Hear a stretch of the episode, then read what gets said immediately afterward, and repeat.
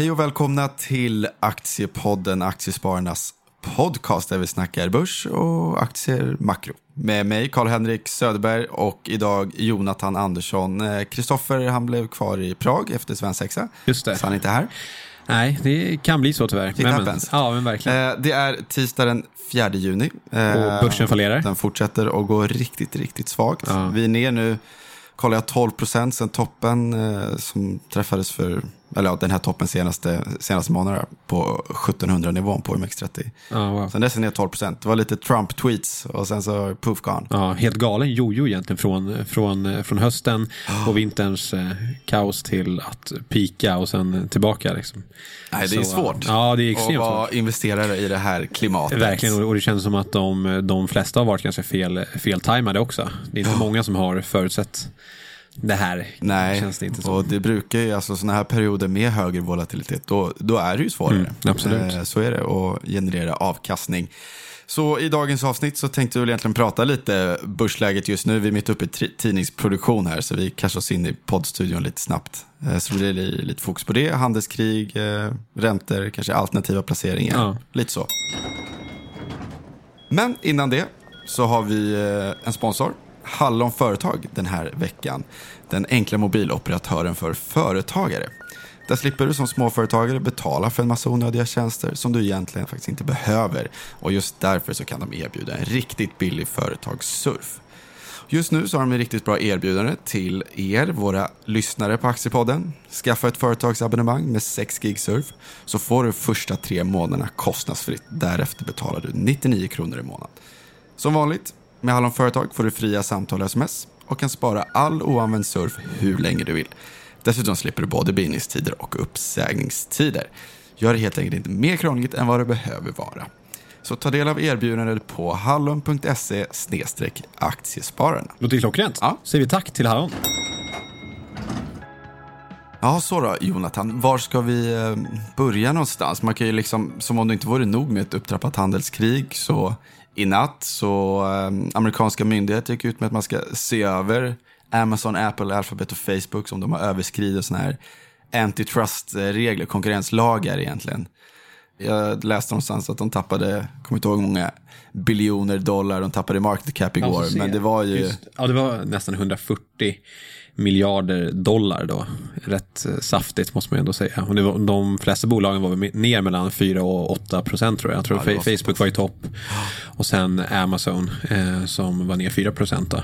Och då är man, är man lite rädd att de helt enkelt kommer bli tvingade att stycka upp verksamheten. Exakt, det är, det är det som jag tror. Ofta brukar man ju prata om att det är en fördel och det är lite trendigt att, att stycka bolag nu. Men de här jättarna har ju varit ganska tydliga med att de än så länge i alla fall inte har velat göra det självmant. Och då kan man ju kanske ifrågasätta sig lite varför det är så. Och om nu, eller om de nu skulle bli, bli påtvingade att, att göra det så kanske det kan dyka upp lite oväntade tillgångar eller sånt som man är lite osäker på. Ja, vi får ju se om det blir ett nytt eh, AT&T. De, var ju, de råkade ut för på eh, 80-talet. Ja, här exakt. för mig. Så de var tvungna att dela upp bolaget i... eh, Och det blir, stora grejen är väl just om det inte är helt bolagsfrivilligt så kan det ju bli lite stressigt kanske. Om det är svårt att hitta rätt kom kompetens på de rätta po- positionerna och uh, sådär tror jag. Men sen tror jag också den här anledningen till att de rasade så pass mycket som de faktiskt gjorde kan ju vara liksom en, en övergripande oro för att det kanske kommer bli en rejäl politisk åtströmning mot de här bolagen på riktigt nu. Liksom. Ja. Det har ju varit ett, har ju, har ju legat ett litet så här, dolt hot mot dem under en längre tid, men det känns som att nu kanske det på riktigt börjar ske. Mm, och den rädslan har ju kommit och gått lite Ja men, åren. ja men precis, men uh, nu kanske det trappas upp lite och om det, om det faktiskt blir, blir verklighet så kan det ju, liksom, då kan det ju bli ja, ringa på vattnet som man kan säga. Ehm, och, men ja, vi får, vi får väl se. Men det, det ihop med den allmänna början på risk-off-känsla så uh, är det klart att de här aktierna, det har vi pratat om många gånger förut, att när man har så pass hög värdering som många av dem har, då uh, varenda liten, eller liten, men motgång man kan åka på brukar resultera i ett ganska kraftigt kursfall. Och det var väl det som skedde här under natten. Vi går vidare. Pratar lite Fed och räntan. Tioåriga räntan är nere på nästan 2% nu i USA. Just det, och... Hur ska man tolka det? Är det för att placerare är rädda man plockar bort marker från eh, det, aktiespelbordet och går över till obligationer? Ja, det är väl eh, och det som, som jag tycker blir nästan ännu mer läskigt är att det är ju så, trots att det, att det fallerar och på något sätt att en låg ränta ska vara, ska vara bra för aktier så har ju obligationsmarknaden har ju kollapsat helt också. Ja, och en annan anledning är ju också att eh, Fed President Bullard från St. Louis tror jag eh, som sitter i deras styrelse var ju också ute igår och uttryckte sig eh, enligt marknaden eh, duvaktigt och eh, sannolikheten för räntesänkningar och inte fortsatta räntehöjningar, den sannolikheten har väl fortsatt att öka nu. Ja, Frågan är nu, det är negativt tolkningsföreträde, folk eh, har, tycker inte det är lika kul och härligt längre som de Nej. tyckte förut för att det finns ju extremt många makrofaktorer just nu som pekar neråt. nu är väl eh,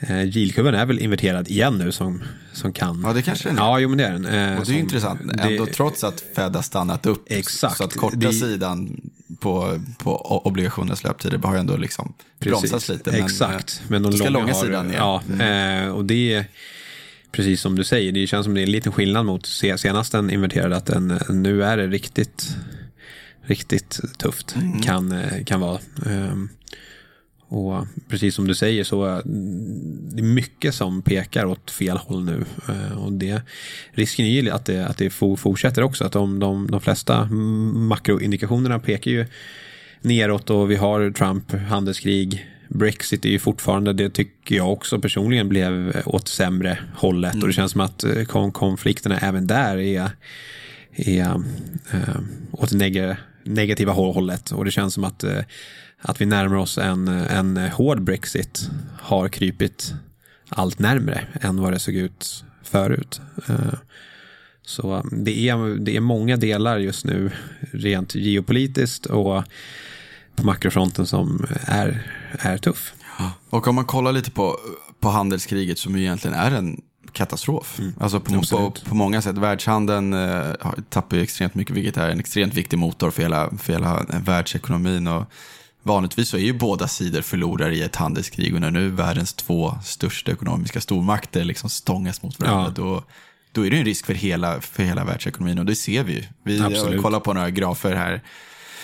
Eh, fraktindex exempelvis, här klassiskt eh, mått Eh, Handeln. Ja, exakt. Har ju gått käpprätt neråt. Eh. Ja, det är väl på nivåer från, som på, eller vid 2016 va? Om jag inte... Ja, exakt. Och då det... var det ju dystert ett tag Ja, där. verkligen. Det var när oljan var nere på 25 spänn ja, det, och vände. Eller ja, 25 dollar. 25 dollar, ja. Eh, ja, vad har vi mer? Vi har ja, alla PMI-siffror, inköpschefer som ju kom in igår, ändå hyfsat. De är över 50 ändå i USA, men fortfarande kommit ner från 60, 62. Ja, precis. Eh, så det är, det är väldigt många indikatorer som, som verkligen pekar ner just nu. Då är frågan, ska man våga vara contrarian? Skulle du våga vara contrarian just nu? Alltså jag vet inte, alltså jag har ju faktiskt varit eh, lite halvförsiktig under, under en längre period. Men jag har också, precis som vi varit, varit inne på.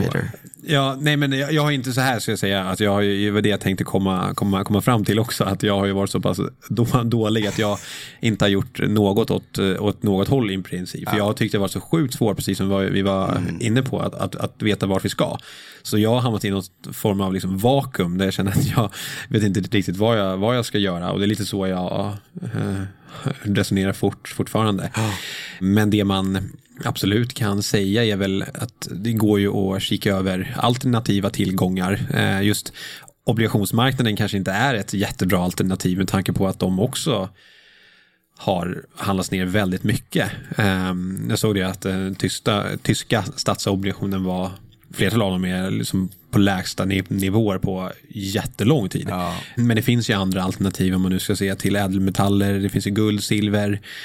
Eh, Fastighetsaktier är fortsatt jättehett. Ja, eh, precis. Slutar aldrig gå. Nej, det är helt, eh, helt galet. Där hade man också fel. Men, eh, ja, men precis, det, det kan ju vara ett bra alternativ. Eh, mm. Men, men jag, jag, jag, kan tycka att som vi sa här innan, nu, nu kanske man är lite sent på bollen och det är lätt att vara liksom efter, efterklok, men fortfarande så både guld och silver exempelvis, de har ju gått upp de senaste, senaste veckorna men mm. det har inte exploderat. Mm. Och man, man pratade ju om att, att guld var intressant på nivåer, jag tror det var 1350.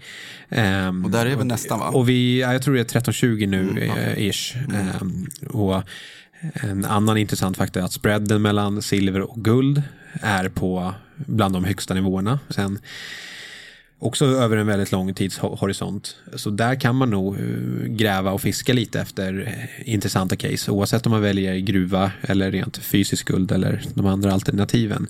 Just för att trots den här extremt stora oron som, som finns så har inte eh, guldpriset eller silverpriset exploderat något, eh, något större nämnvärt så det skulle jag säga är ganska intressant. Jag, jag har kollat på silver under, en, under ett litet tag och tycker mm. det är... Jag har pratat om ganska ja, mycket på kontoret. Ja men, jag, jag, mm. ja, men jag tycker att silver är, är intressant just för att, att spreaden mot guldet har skenat iväg eh, väldigt eh, mycket. Och silver är väldigt användbart, både ur operativt sett från industri för, för ett företag men också som en lite mer safe heaven sådär. Så det, det kan vara ett, ett bra tips. Se, se över vilka andra alternativa tillgångar som finns där ute. Men du gissar att silvret har fallit med, med alla andra råvaror? Ja, Mycket precis. hänförligt till ja. eh, handelskrig? Ja, men precis. Så har det varit.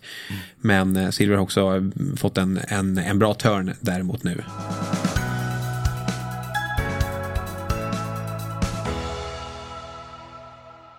Själv då, vad, har du några bra tips? Nej, aldrig. Nej, aldrig, aldrig bra. Nej, det är kanske säkert så. Nej, men eh, skämt åsido, jag vet, det är, det är supersvårt. Men oavsett så, jag tycker att man kanske inte ska vara för snabb och dra slutsatsen liksom, om vi befinner oss verkligen i en ekonomisk kontraktion eller inte. Just det.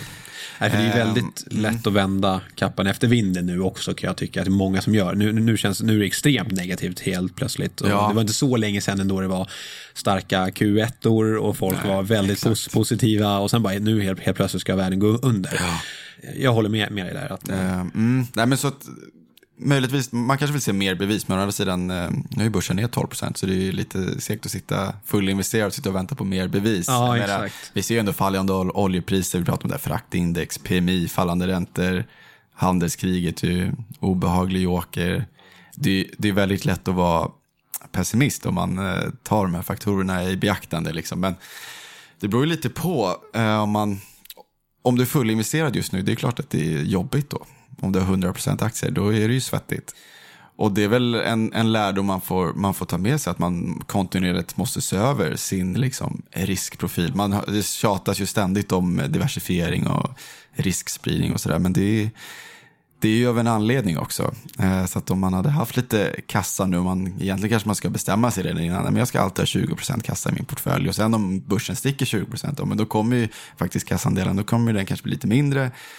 Och då får man kanske justera det där ibland och som du, du pratar om alternativa tillgångar.